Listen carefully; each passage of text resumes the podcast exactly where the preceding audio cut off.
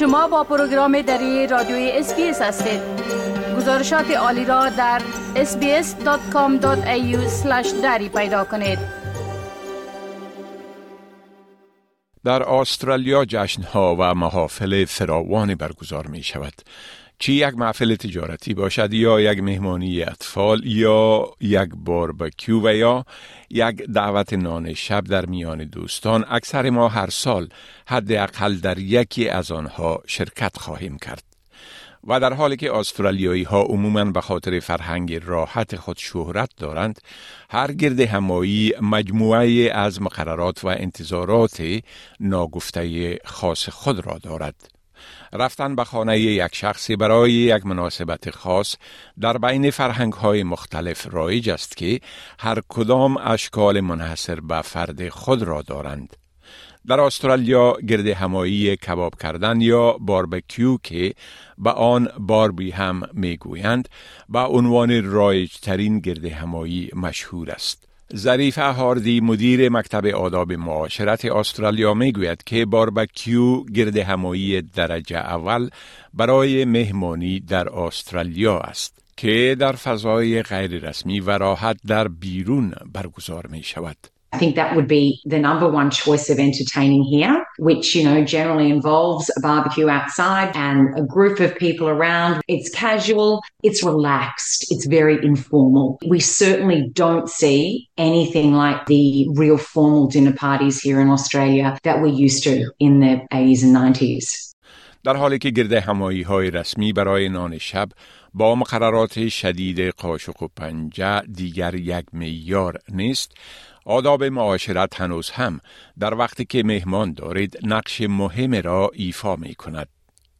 خانم هاردی می گوید چی میزبان یک باربکیو در برنده عقب خانه باشید یا یک نان شب معمولی در داخل خانه میزبان خوب بودن کاملا به آمادگی گرفتن بستگی دارد. To just make sure that when your guests get there, you can dedicate time to them. So you're not stuck in a kitchen or making things or setting tables to have everything organized, to have that, you know, drink ready to be poured, to give them a wonderful warm hello, to be able to mix in conversations, to introduce people together, to make whoever it is that you have invited feel very comfortable. وقتی به یک گرد همایی در خانه کسی دعوت می شوید، خانم هاردی رفتن به آن را با دست خالی توصیه نمی کند مگر اینکه عضو نزدیک خانواده باشید.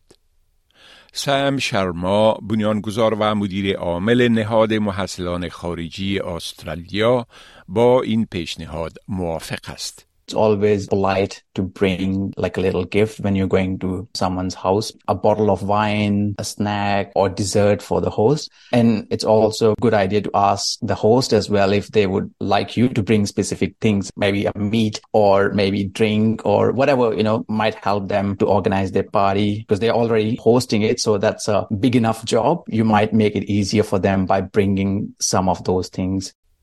چیزهای متداول دیگر مرتبط به آداب که باید به حیث مهمان در نظر داشته باشید عبارتند از دیر نرسیدن بررسی این که آیا مقررات لباس اعمال می شود یا نه و تا حد امکان برای میزبان مفید باشید In Australia, arriving on time is very important for their party.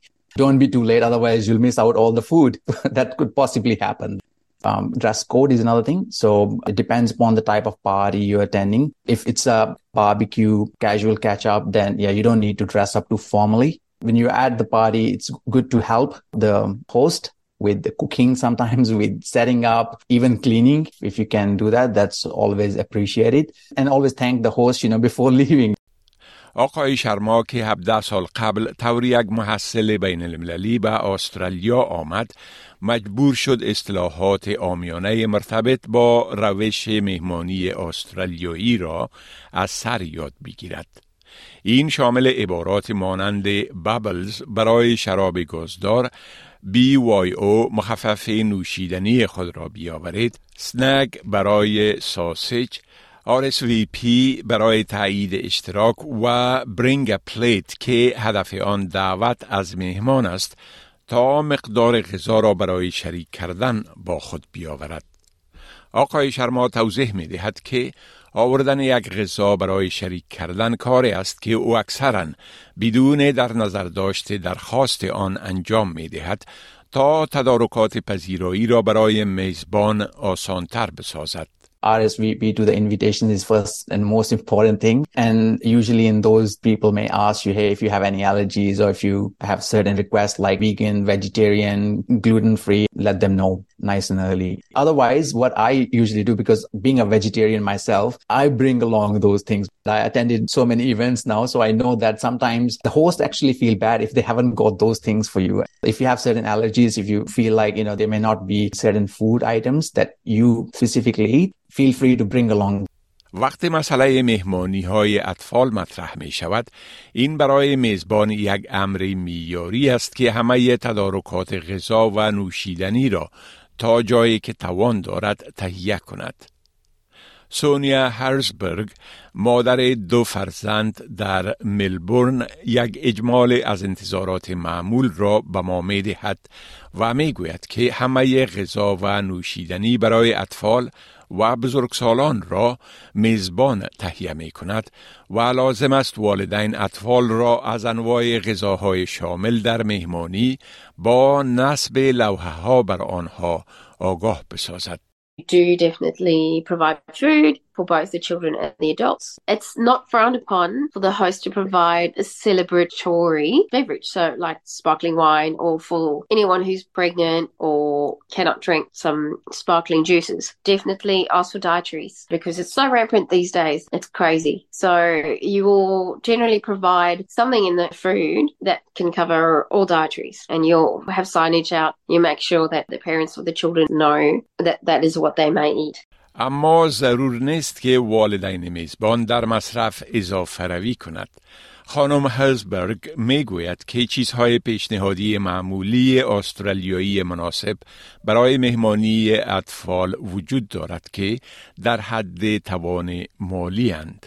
Say, for example, you can just have fairy bread or you can go the other extreme and hire in all sorts of catering. It's varied and nobody minds. I've not experienced that anybody minds what you provide. And fairy bread, by the way, is an Australian tradition. It is hundreds and 1000s mm-hmm. which is those sprinkles that is put on buttered white bread and the bread is cut into diamond shapes. Otherwise, party pies, very traditionally Australian. همچنان معمول است که والدین میزبان کیسه های معروف به پارتی بگز را با هدایای کوچکی که اطفال می توانند با خود به خانه ببرند طور یادگار کوچکی از مهمانی آماده می کنند. خانم هرزبرگ چیزی را که برای روز تولد پسر پنج سالش آماده می کند طور مثال تشریح می کند.